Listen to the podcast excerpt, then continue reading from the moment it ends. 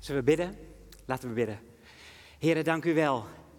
Dank u wel dat we zo in uw aanwezigheid mogen komen. Voor muziek die u ons geeft. Voor muziek waar wij naar uit mogen zien. Heren, om u te aanbidden straks in alle eeuwigheid en u te zien zoals u bent. Maar waar u ons nu steeds vaker een tipje van de sluier oplicht en u zelf ook laat zien. Heren, doet u dat als wij samen u aanbidden. En laten ook, heren, als wij samen nu uw woord openen en luisteren naar wat u ons te zeggen hebt, laat het ook aanbidding zijn. Laat ons hart door u en voor u geopend zijn. Spreek tot onze harten en wilt u mij maar gebruiken tot uw eer. Bewaar me voor mezelf. Leid ons door uw geest. Komt u tot uw doel. En heren, als dan uw woord gezaaid wordt, mag daar vrucht uit voortkomen. Uw woord en uw woord. In Jezus' naam. Amen. Amen. Ik uh, ga zo dadelijk met jullie een stukje lezen uit Genesis. En uh, ik noemde Abraham al even. Ik ga met jullie vandaag ook spreken over uh, Abraham. Onze vader, vader Abraham. Degene die ons is voorgegaan in ons geloof. Die ons veel heeft laten zien van, van waar het op aankomt. En van wat het betekent om te geloven, om God te vertrouwen. Ook dwars door alles heen en ook dwars tegen de stroom in. Ik lees uit Genesis hoofdstuk 13, het hele hoofdstuk. En daarna ga ik met jullie kijken naar het thema dat ik hier aan gegeven heb. Misschien heb je het al gelezen of gezien ergens. Namelijk het statement van de Dode Zee. We gaan eerst lezen wat er in Genesis 13 staat. Vanuit Egypte trok Abram met zijn vrouw en zijn bezittingen weer naar de Negev. Lot ging met hem mee. Abram was bijzonder rijk. Hij had veel vee, zilver en goud. Vanuit de Negev trok hij verder naar Bethel, van de ene pleisterplaats naar de andere, tot aan de plaats tussen Bethel en Ei, waar zijn tent eerder al had gestaan. En waar hij toen een altaar had gebouwd. Daar riep Abram de naam van de Heer aan. Ook Lot, die met Abram was meegekomen, bezat schapen, geiten, runderen en tenten. Beiden bezaten zoveel vee dat er te weinig land was om bij elkaar te blijven wonen. Hierdoor ontstond er ruzie tussen de herders van Abrams vee en de herders van Lots vee. In die tijd woonden ook de Canaanieten en de Perizieten in het land. Daarom zei Abram tegen Lot: Waarom zouden we ruzie maken, jij en ik, of jouw herders en de mijne? Wij zijn toch familie. Het is maar beter dat we uiteengaan. Het hele land ligt voor je open. Als jij naar links gaat, ga ik naar rechts. En als jij naar rechts gaat, ga ik naar links. Lot keek om zich heen en zag hoe rijk aan water de hele Jordaanvallei was. Voordat Sodom en Gomorra door de Heer werden verwoest, was de vallei tot aan Soar toe even waterrijk als de tuin van de Heer en als Egypte. En daarom koos Lot voor zichzelf de Jordaanvallei en trok in oostelijke richting. Zo gingen ze uiteen.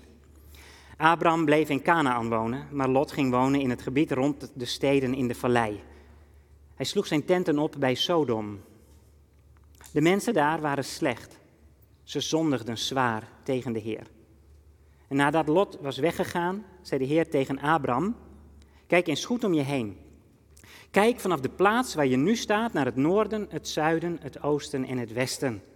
Al het land dat je ziet, geef ik aan jou en je nakomelingen. Voor altijd. En ik zal je zoveel nakomelingen geven als er stof op de aarde is. Zoals het stof van de aarde ontelbaar is, zullen zij niet te tellen zijn. Kom, doorkruis het land over de hele lengte en breedte, want aan jou zal ik het geven. Toen brak Abram op en ging wonen bij de eiken van Mamre, bij Hebron. En daar bouwde hij een altaar voor de Heer. Oké, nou dat is heel Genesis hoofdstuk 13. Ik vind het bijzonder, want ik denk dat bijna een kwart van dit hele boek wel aan Abram gewijd wordt. de schepping, daaraan wijdt God de eerste hoofdstukken. Mozes heeft deze eerste vijf boeken mogen schrijven. Genesis is de eerste. En tot en met de zondeval gebeurt er zo ontzettend veel in een tijdsbestek van zo'n 2000 jaar. Samengevat in die eerste elf hoofdstukken. Maar dan van hoofdstuk 12 tot ik denk 4, 25 gaat alles over een jaar of 25 uit het leven van Abraham. En ik zeg al, Abraham is onze vader. Hij gaat ons voor in ons geloof. En je kent de uitdrukking, zo vader, zo zoon. Zo vader, zo dochter, zo moeder, zo dochter. Je gaat lijken op je ouders. En God heeft Abraham een intense belofte gedaan. Die stond in hoofdstuk 12. God had daar gezegd, ik zal je een groot volk maken. Hij heeft het net herhaald, hè? Ik zal je zegenen, je naam veel aanzien geven en ik zal je een bron van zegen maken. Ik zal zegenen wie jou zegenen en wie jou vervloekt zal ik vervloeken. In jou zullen alle volken op aarde gezegend zijn. Maar het ene zinnetje, één bron, een bron van zegen zul jij zijn. Abraham. Abraham is een bron geworden van de Heere God. En uh, ik weet niet of u wel eens nationaal kijkt. En toen ik mij aan het voorbereiden was op deze preek voor vanochtend, ik heb hier eerder een keer zo'n korte bemoediging ook over gedaan, op een donderdagavond, kon ik mij niet voorstellen dat vandaag in het nieuws zou zijn hoeveel bronnen wel niet droog staan.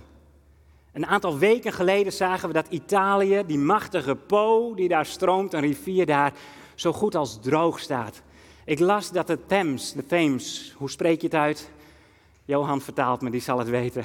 Dat, die bijna, dat, dat de bron van de Thames, die door Londen stroomt richting onze Noordzee, dat de bron daarvan intussen kilometers verderop ligt en dat het pijl steeds lager wordt.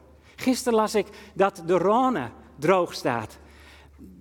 Dat de Waal nu laat zien dat zelfs in een land, een kikkerland als Nederland, wel eens watertekort zou kunnen komen.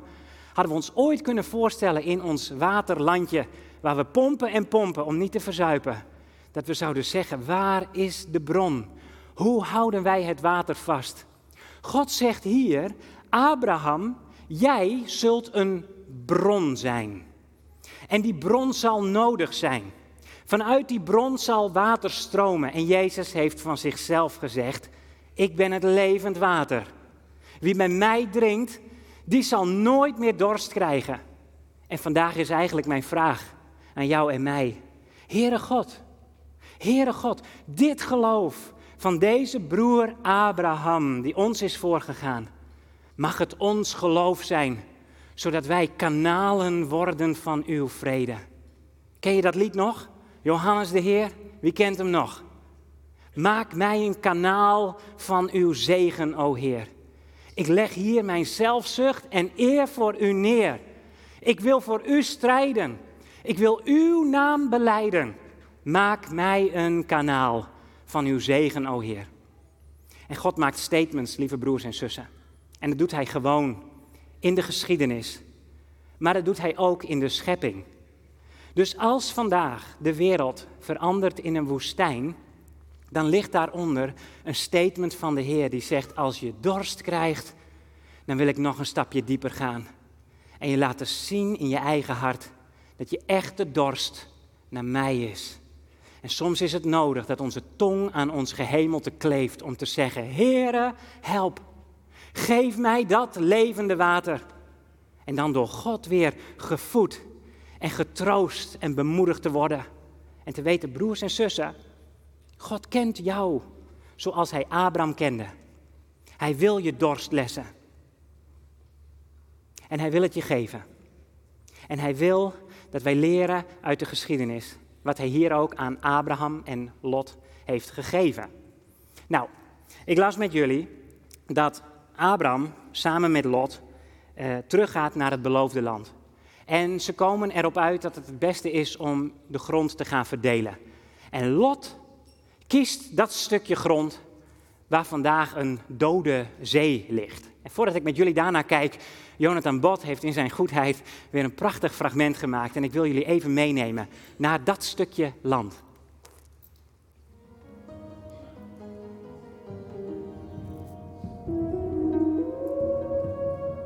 De Dode Zee is een zoutmeer gelegen in de woestijn van Judea in het zuiden van Israël, begrensd door Jordanië in het oosten.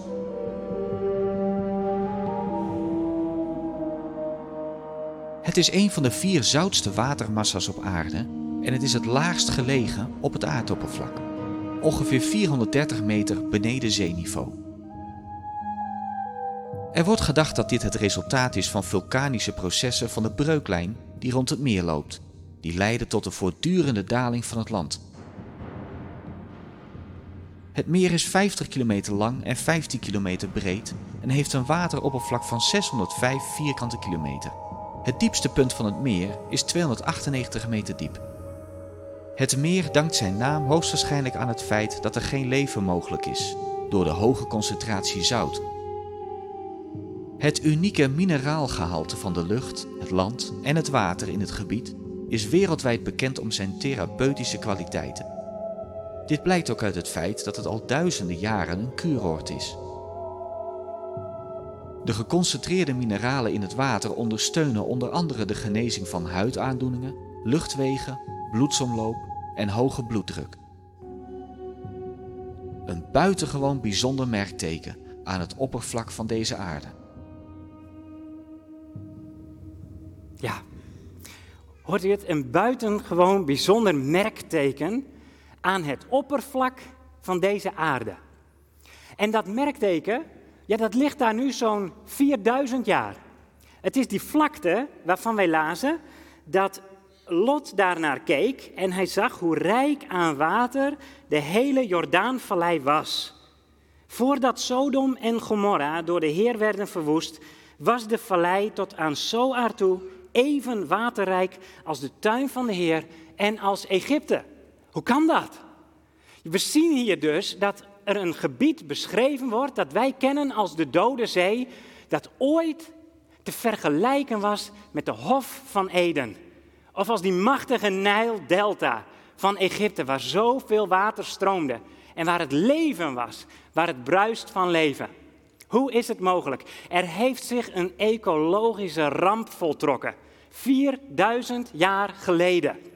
En 20 kilometer nu ten oosten van Jeruzalem, daar ligt dit merkteken.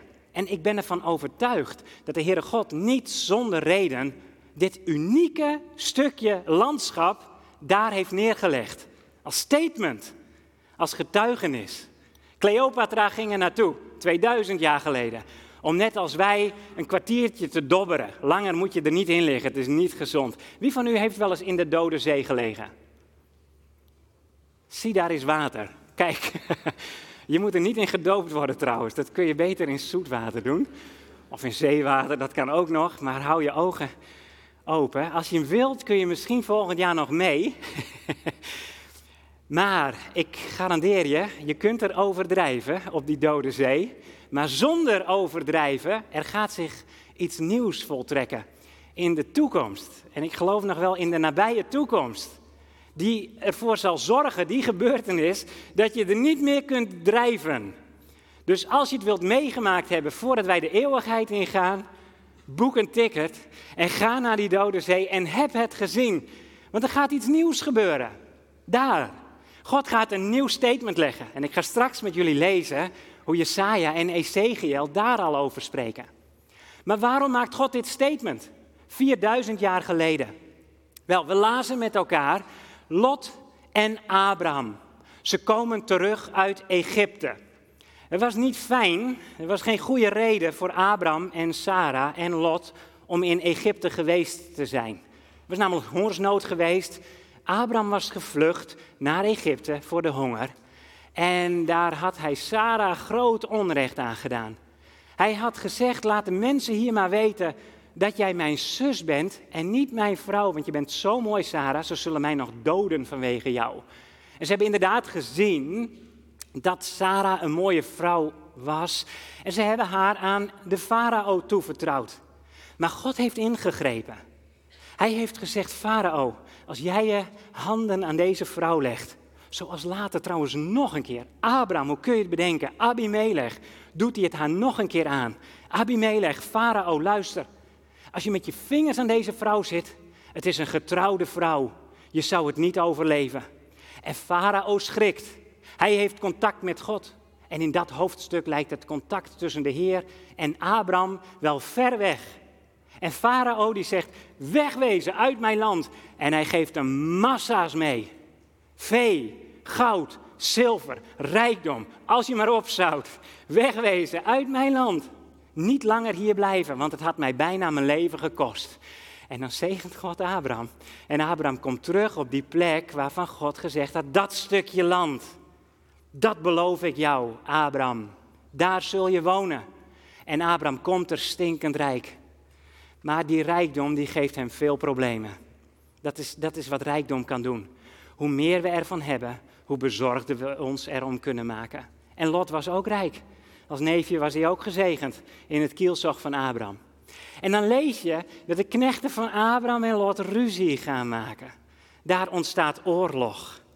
Oorlog ontstaat waar rijkdom zich manifesteert en mensen in elkaars vaarwater komen. Waar macht en manipulatie op de loer liggen. Heb je het bijzinnetje gezien trouwens? De Canaanieten en de Perisieten woonden in het land. Dat is zo'n mooi bijzinnetje. Die konden daar klaarblijkelijk gewoon wonen. Daar hadden ze geen last van. Maar ze hadden als oom en neef wel last van elkaar. Abraham heeft wat geleerd in Egypte. Een stukje wijsheid heeft hij volgens mij ontvangen. En hij zegt: Ik ga mijn neef Lot niet voor de bus gooien zoals ik Sarah heb opgeofferd aan de farao. Abraham komt tot zichzelf. Maar we lazen ook met elkaar: hij had al een altaar gebouwd en de naam van Yahweh weer aangeroepen. Abraham wist: God moet mij zegenen. Ik hoef het niet te hebben van mijn rijkdom. Ik hoef het niet te hebben van de zegen van vandaag. God zal wel voor mij zorgen. Ik laat het los. Ik laat het los. Ik ga niet Bert van Leeuwen hoeven bellen om te vragen of ik bij hem in de limousine zal stappen. En ik vertik het om Lot ooit nog te zien. Of Lot zal het vertikken. Nee, wij blijven barbecuen met elkaar. Maar we doen het gewoon bij tijd en wijlen. Tijdens een eigen familiediner. Laten we het goed houden, Lot. Laten we het goed houden. Durf jij in mogelijke conflicten achter jouw voordeur, misschien met jouw geliefde, te zeggen: Ik laat het los? Is Abraham ook hierin onze vader? En kunnen we zeggen: Ik, ik laat het los. Ik geef het aan jou. En Lot mag dan kiezen, hè? Abraham staat met Lot. En Abraham wordt gezegend in de keuze die hij Lot geeft. En Lot lijkt ernaar te grijpen. Hij kijkt. En dat, dat woord wat voor kijken wordt gebruikt, is hetzelfde kijken als wat ooit onze moeder Eva deed. Ze keek en het was begeerlijk. Het was begeerlijk en ze greep ernaar. En Lot kijkt en hij ziet die Jordaanvallei als de tuin van Eden. Wat vandaag die dode zee is, die tuin van Eden. Die prachtige Jordaanvallei. Josephus, ik weet niet of u ooit van hem gehoord hebt, misschien heb ik al wel eens iets verteld. Hij is de Maarten van Rossum van 2000 jaar geleden. Zo'n geschiedschrijver. En hij vertelt over dat plekje. Het was inderdaad een plek waar bomen groeiden, waar het een lustoord was, waar ooit een paradijs was ingericht. Lot kijkt ernaar en Lot grijpt ernaar. En Abraham laat het los. Abraham laat Lot gaan naar Sodom en Gomorra. Ik denk niet dat ze beide geweten hebben wat voor steden dat waren, maar Lot beweegt zich nu buiten het gebied van het beloofde land. Hij vertrekt. En God zorgt ervoor dat Abraham kan blijven op die plek waar God hem heeft gesteld. En dat is helemaal niet zo'n plek met zoveel moois op dat moment. De Canaanieten wonen daar, de Perisieten wonen daar. Het is niet die lusthof als daar bij de Jordaanvallei.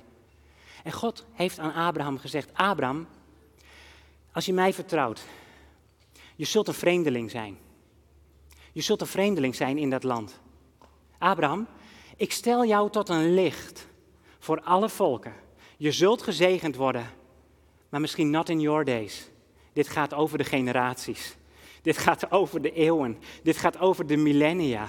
Wij zijn die zegen van de Heer door Abraham tot op de dag van vandaag. Abraham, je zult een zegen zijn voor al die volken. Dankzij het geloof dat God aan Abraham gaf, zitten jij en ik hier vandaag. Maar Abraham heeft in zijn dagen ook ontdekt, dit betekent wel dat ik in dit land ook verdrukt zal worden. En het betekent dat de Heer standvastigheid van me vraagt. Ik houd vol. En God neemt Abraham naar mee. En hij zegt, kijk maar even Abraham. Kijk maar om je heen. Kijk naar het noorden. Kijk naar het zuiden. Kijk naar het oosten, kijk naar het westen, Abraham. De hele wereld is voor jou. En het stof van de aarde zal het niet kunnen afleggen tegen de omvang van het volk dat ik uit jou laat voortkomen. Vandaag zijn wij hier broers en zussen. En zegt de Heere God tegen ons, kijk naar Abraham. Kijk naar Abraham. Abraham werd door de Heere God weggeroepen, ooit uit Ur. Ur, daar, daar waren feesten. Daar werd gevierd. Eén keer per jaar werden die goden uit die Sigurat gehaald, die piramide die daar stond, en die ging dan door de straten. En dan vergrepen de mensen zich aan elkaar. Het was één grote orgie, daar in Kuwait van vandaag. En God had gezegd, Abraham, jij vertrouwt mij, ik roep je daar vandaan. Ga niet terug naar Sodom. Begeef je niet in die wereld. Blijf daar verre van. Abraham, luister naar me. Dat God vandaag aan jou en mij zegt, ik heb jou geroepen om net als Abraham voor de time being hier op aarde een vreemdeling te zijn. Om er wel tussen te staan, om ernaast te wonen en om de nood te zien in de harten van mensen die schreeuwen om hulp en soms denken ik zoek het in het feest en ik zoek het in de seks en ik zoek het in mijn lichamelijkheid, ik zoek het in het geld, in de macht. Blijf daar vandaan, zegt de Heer. Maar dat je terwijl je daar staat weet, ik ben een vreemdeling. Maar God heeft Abraham gezegend. En achter Abraham ben ik tot zegen voor de mensen om me heen. Want ik ben ook het licht van deze wereld, zoals Jezus dat is. Ik mag stralen namens Hem. En ik zal soms merken dat het niet gepruimd wordt wat ik te brengen heb. Dat er verdrukking kan zijn, dat mensen je niet begrijpen. Waarom doen jullie niet gewoon mee? Waarom staat die kerk altijd daar en lijken ze ons wel te oordelen? Nee, we oordelen niet. Maar we zeggen, God is een totaal andere God. Hij is heilig. En daarom zijn we standvastig. Wij blijven in de Heer. En we zeggen, Heere God, u hebt een belofte gedaan. U hebt een belofte gedaan. U komt met deze hele schepping tot uw doel. En Sodom en Gomorra hebben het geweten. En daarom, in deze woorden die de Heer ons geeft, en ik ga 18 en 19 nu niet met jullie lezen, maar als je Genesis 18 en 19 leest, dan ontdek je dat het God is die zegt, ik wil de schepping door de eeuwen heen gaan laten zien wat er gebeurt als ik er niet zou zijn. Als de bron van leven werkelijk waar uitgeput zou zijn, als ik niet meer zou zegenen. En daarom begin ik alvast bij Sodom en Gomorra, want de maat van de zonde is daar al vol. Ze zondigden zwaar tegen de Heer. Maar dan mag Sodom en Gomorra weten, er is iemand die de Heer kent. En die heeft gebeden. En die heeft gepleit voor Sodom en voor Gomorra. Lieve broers en zussen, bidden wij voor Drachten. Bidden wij voor Friesland en Groningen en Drenthe. Bidden wij voor Nederland. Heer, heb geduld. Wacht nog. Wacht nog, Heer. God zei tegen Abraham: Zou ik voor mijn vriend iets verborgen laten? Ik ga het hem helemaal vertellen. Dit gaat gebeuren, Abraham. Ik ga naar Sodom en Gomorra toe en ik ga inspectie doen. En als het is zoals het is, en God weet dat natuurlijk al lang, maar Hij laat ons zien hoe serieus Hij ons neemt, dan gaan die steden dat niet overleven. Ik ga ze omkeren en een statement daar leggen, wat een paradijs leek, wat een groot feest leek van de trots van de mens.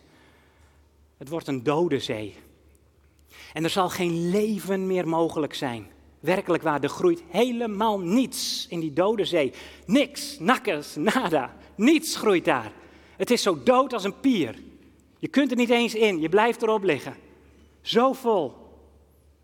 God zegt, ik ga dat doen. En Abraham kent de Heer en de Heer kent Abraham. Zijn wij zoals onze vader Abraham op de bres voor de wereld? En zeggen we, Heere God, ken ons in uw plannen. En de Heer zegt, ja, dat statement, dat zie je misschien op dit moment wel voor je ogen zich onttrekken over deze hele aarde. En we geloven dat het zo is. De wereld die in een woestijn verandert. God heeft het ons al lang verteld. Als je de Bijbel leest, als je de stem van God leert verstaan door zijn Heilige Geest, die spreekt door zijn woord, dan weten we, er komt een tijd van intense droogte. En het zal gepaard gaan met die dagen waarin de mensen het zullen uitroepen. Bij wie dan moeten we zijn? En de Heer vraagt jou en mij, wil jij namens mij als Abraham zijn? En mij ervan weerhouden om alvast in te grijpen en te zeggen, Heer God, wacht u nog even. Want Abraham zei, Heer, als er nou nog vijftig zouden zijn in die hele grote stad van Sodom, ik zou niet ingrijpen, zegt de Heer. Vanwege jouw geloof, Abraham. 45, Heer. Ben ik ook brutaal? Als ik dat vraag, de Heer zegt, Abraham, jongen, vanwege jou. Als er 45 zouden zijn, ik zou wachten. 40? 30, Heer? 20? Heer, als er nou nog, nog 10 mensen zouden zijn die rechtvaardig zijn.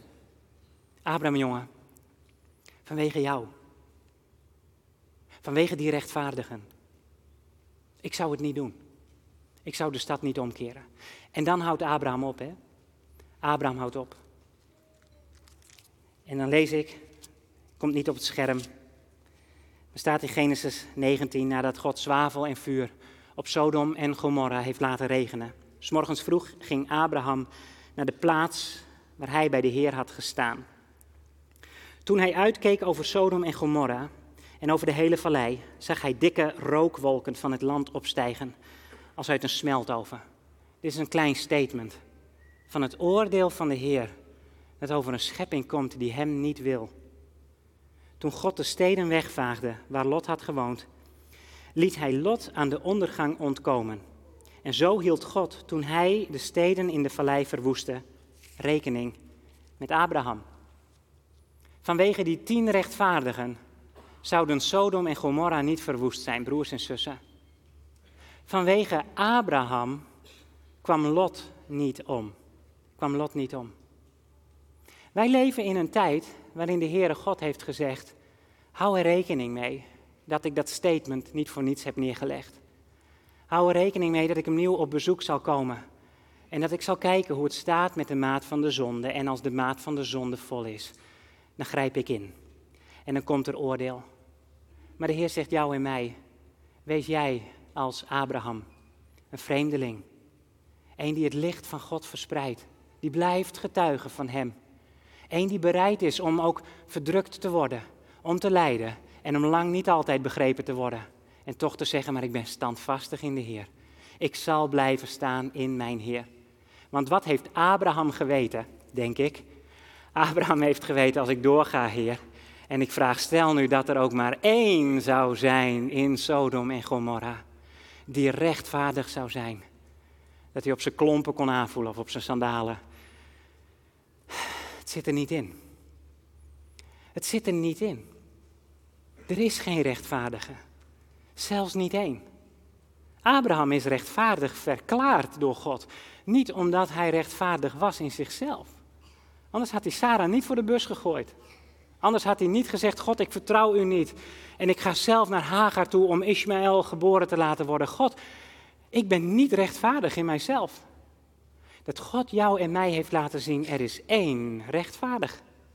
Er is één rechtvaardig. En vanwege die ene rechtvaardige zegt God jou vandaag: keer ik jouw leven niet om. Vanwege die enige rechtvaardige zal er op jou geen zwavel en vuur neerstorten. Zal het oordeel dat over de schepping gaat komen ook aan jou voorbij gaan. Kijk naar de dode zee en wees bereid om te blijven getuigen. Wereld, luister, ga weg uit Ur. Ga weg uit Sodom. Vertrek uit Nederland. Al sta je er met beide benen middenin. Getuig, wees een vreemdeling, wees standvastig, wees het licht en wees bereid om niet begrepen en verdrukt te worden, maar blijf getuigen. Want de Heere God zegt, er is één rechtvaardige. En als je naar hem kijkt, mijn zoon, de enige. Abraham hoefde hem niet te offeren, hè? God heeft zichzelf voorzien in een lam. De zoon van God is geslacht, die rechtvaardige. Zegt God, ik zal je zegenen. Jou, jou, vandaag. Ik zal jouw leven in mijn hand nemen. Wees namens mij als Abraham een kanaal van zegen. En vertel de mensen dat ik veel van ze hou. Dat ik alles in het werk heb gesteld. Dat er eeuwig leven is voor iedereen die dorst heeft en die bij mij komt drinken. En kijk dan niet alleen naar het glaasje water dat leger begint te raken. Maar kijk naar dat hart van die mensen die God aan jou toevertrouwt. Want er zal water stromen. Ik ga met jullie twee beloften lezen en dan afronden. De eerste belofte staat in Ezekiel, hoofdstuk 47. Dat is aan het eind van alle dingen. Ezekiel heeft ons veel verteld over de laatste dagen en Israël en de oprichting van die staat en een koning die daar zal regeren. En dan wordt Ezekiel meegenomen en op de Tempelberg geplaatst. En hij mag richting de Dode Zee gaan lopen. Er loopt vanuit Jeruzalem een vallei, dat is de Kidron-vallei. Als je nog een keer mee kunt en je, je rijdt langs die Dode Zee, dan zie je een enorme kloof die uitkomt. Rechtstreeks vanuit Jeruzalem in die Dode Zee. En Ezekiel krijgt dit te zien. Er komt een rivier. En die rivier begint langzaam maar zeker te stromen omdat als Jezus straks komt, hij zijn voeten op de olijfberg zal planten. En de olijfberg zal scheuren en er zal water stromen. Richting de Middellandse Zee en richting de Dode Zee vanuit Jeruzalem. En dan zegt Ezekiel, hij zei tegen mij, dit water stroomt door de oostelijke landstreek, dan naar beneden de Jordaanvallei in en mondt uit in de Dode Zee. Wanneer het de zee instroomt, wordt het water daar zoet. Het zal er wemelen van levende wezens. Overal waar de rivier stroomt, komt leven. Er zal vis zijn in overvloed. Als dit water in de dode zee aankomt, wordt het water daar zoet. Overal waar de rivier stroomt, komt leven. Van Engedi tot En Eglaim zullen er vissers staan. Er zullen droogplaatsen voor netten zijn. Er zullen talrijke vissen zijn van allerlei soort, net als in de grote zee. Alleen de moerassen en de poelen worden niet zoet. Daar blijft het water brak. Aan de weerskanten van de rivier zullen allerlei vruchtbomen opkomen, waarvan de bladeren niet zullen verwelken en de vruchten niet zullen opraken. Elke maand zullen ze vrucht dragen. Het water stroomt immers uit het heiligdom. En de vruchten zullen eetbaar zijn en de bladeren geneeskrachtig. Ziet u, zonder overdrijven, die dode zee gaat weer veranderen. Dat wordt opnieuw Eden. Omdat Jezus zal gaan regeren. Omdat hij de dood heeft overwonnen. Kan hij een droge beek dan niet aan? Hij komt, hij zal zijn voeten plaatsen en de dode zee wordt weer één grote lusthof. Maar moeten we dan per se in die dode zee zijn om daar straks nog zoet water te vinden? Een paar honderd jaar voor Ezekiel zegt Jesaja het al zo. In hoofdstuk 41 in vers 17. Armen en behoeftigen zoeken water, niets. Hun tong verdroogt van de dorst. Ik, de Heer, Yahweh, zal hun antwoord geven. Ik, de God van Israël, zal hen niet verlaten. Ik laat op kale heuvels rivieren ontspringen en bronnen in de valleien. De woestijn maak ik tot een waterplas, dor gebied tot een bronrijke streek. Ik plant in de woestijn zeder en acacia, myrte en olijfwilg. En ik laat in de wildernis den, sneeuwbal en cipres opschieten. Dan zullen zij zien en beseffen, begrijpen en erkennen dat de hand van de Heer dit heeft verricht en dat de heilige van Israël dit alles schiep.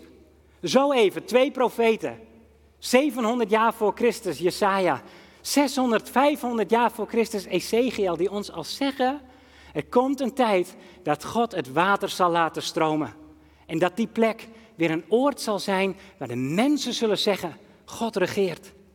In ditzelfde hoofdstuk van Jesaja heeft God gezegd, profeten, vertel maar wat er in de verre toekomst zal gebeuren. Maar ik ga het jullie vertellen. Israël zal terugkomen op de plek waar ik Abraham een belofte heb gedaan. Aan jou geef ik dit land voor altijd. En alle volken zullen gezegend zijn in jou, Abraham. In jouw geloof, Abraham. God zegt vandaag tegen jou en mij, als alle wanhoop zo groot is geworden, als de dorst stijgt in de harten van de mensen om je heen, kom jij bij mij. Elke dag. Jezus is het die tegen jou zegt, als je dorst hebt, kom bij mij. Drinken, drinken, drinken. Het is nooit op bij mij. Ik zelf ben het, zegt God tegen jou We zongen dat lied met elkaar, die tegen jou zegt, ik hou van jou. Ik hou van jou. En dat is de bron van ons leven. Liefde. God kennen. We kunnen verdrogen. We kunnen verhongeren. Maar als we geen liefde meer zouden hebben, dan pas zouden we sterven. En God zegt tegen ons, die raakt nooit meer op. Ik geef je mezelf. Ik ben die rechtvaardige. Ik heb jouw oordeel gedragen, zegt Jezus. Dat zwavel en dat vuur, het is op mij neergekomen. En daarom zegt God vandaag tegen jou en mij: Jullie leven in de tijd van mijn genade. Wees mijn getuige. Wees dat kanaal. Grijp elke kans die ik jou geef aan om te getuigen. Om een vreemdeling te zijn, maar om te stralen. Om verdrukt te worden en niet begrepen. Maar om standvastig te blijven zeggen: Heere, u bent groot en u bent God en ik heb mijn dorst gelest aan uw hart. Weet je, als niemand het ooit tegen je zegt, je hebt het zo nodig. Hier leven wij op. Dit is fuel, dit is energie. Dan mag ik het vandaag namens, tegen, namens, namens de Heer tegen jou zeggen. God zegt, ik hou van jou. Wist je het niet?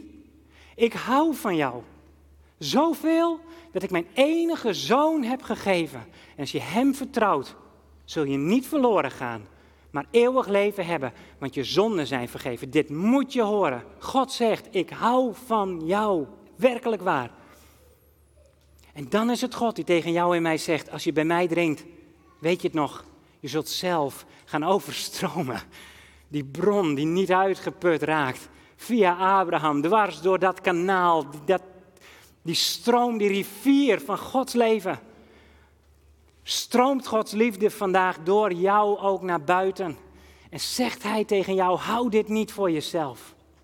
En dan wil ik je vragen om met de Heer eens in gesprek te gaan over de vraag: Heere God, tegen wie mag ik vandaag zeggen: Ik hou van jou? Ook namens u, maar ook namens mezelf. Soms spreek ik broers en zussen en dan zeggen ze: Ja, we komen uit de generatie, dan zeiden we dat niet. Nee, er werd niet veel gesproken bij ons mensen. Wij zijn de enige wezens die zo communicatief gemaakt zijn door de Heer. Dat God niet anders wenst dan dat we het nu dan maar gaan doen. Zeg tegen je geliefde. Zeg tegen je kinderen. Zeg tegen je ouders. Misschien wist je het nog niet. Ik hou van jou. Het kan zo kwetsbaar zijn, maar het komt zo dichtbij. Kijk elkaar aan en zeg: Ik hou van jou. Of als dat iets te intiem is, omdat het om een collega of een broer of zus iets verderop bij ons in de straat zou gaan. Zeg eens tegen die ander, wat ben ik blij met je. Wat ben jij een zegen voor ons als gezin, voor mij om je te kennen. Puur omdat ik je mag kennen. Niet omdat je iets doet, niet omdat je iets hebt volbracht. Dat heeft een ander al gedaan. Ik mag gewoon zeggen, wat een mooi mens ben je toch. En als mensen dan zeggen, maar hoe in de vrede dan? Blijf jij in die rust? Dan kun je zeggen, ik heb gedronken vandaag. Ik heb gegeten. Ik ben verzadigd. Ik woon misschien wel in de woestijn, maar ik ben afhankelijk van de Heer die de hemel en de aarde heeft gemaakt. Hij is mijn vrede. En Hij is mijn rust. Zodat je mensen ook kunt zeggen, ja, je hebt mijn liefde niet nodig. Je hebt zijn liefde nodig. Ik getuig van Hem. Ik spreek van Hem. Want dan zegt God door Abraham heen, die zegen gaat door hoor. Die liefde gaat verder. En jij en ik mogen zien dat als wij getuigen van de Heer Jezus Christus, en de mensen komen op ons pad en ze vragen ons, wie is God? Wie is Jezus? Dat we dan geen blad meer voor de mond gaan nemen, maar gaan zeggen, nou minimaal mag ik je namens Hem zeggen, Hij houdt van je. Hij heeft zijn leven voor je gegeven en als je Hem wilt kennen, is er eeuwig leven. En ik leef daaruit. Zijn liefde en zijn vrede. Ja, hij heeft een statement gelegd. Het was een waarschuwing. En dat is een waarschuwing met het oog op het ultieme oordeel dat gaat komen. Nou, God wil ons daar wegroven. Hij wil niet dat iemand verloren gaat. Broers en zussen, als je droog staat, ga naar Jezus toe. Drink bij Hem. Ontvang het weer van Hem. En wees beschikbaar om Hem door jou heen te laten stromen als een kanaal van levend water tot Gods eer en jouw ultieme blijdschap en redding van mensen. In Jezus' naam. Amen. Let's pray. Vader, dank u wel dat u hier bent. Op deze voor ons Nederlanders zo warme dag. En Heer, die warmte gaat de aarde over. Maar Heer, wij willen uw genade en uw verfrissing en uw verkoeling ontvangen. Heilige Geest, stort u zelf uit. Ik bid uw zegen over mijn broers en zussen hier en thuis. Stort u zelf uit. U, de bron van levend water. Borrelt u op in ons hart. Laat ons vol zijn van u. En dank u wel, heren, dat Abraham is met u. En dat we u straks zullen zien. En dat het voorbeeld en het getuigenis en het geloof van Abraham vandaag ons geloof mag voeden. Door uw geest, in uw zoon, de Heer Jezus Christus. Wij houden van u. Alle lof, alle eer, alle glorie. Halleluja. Amen.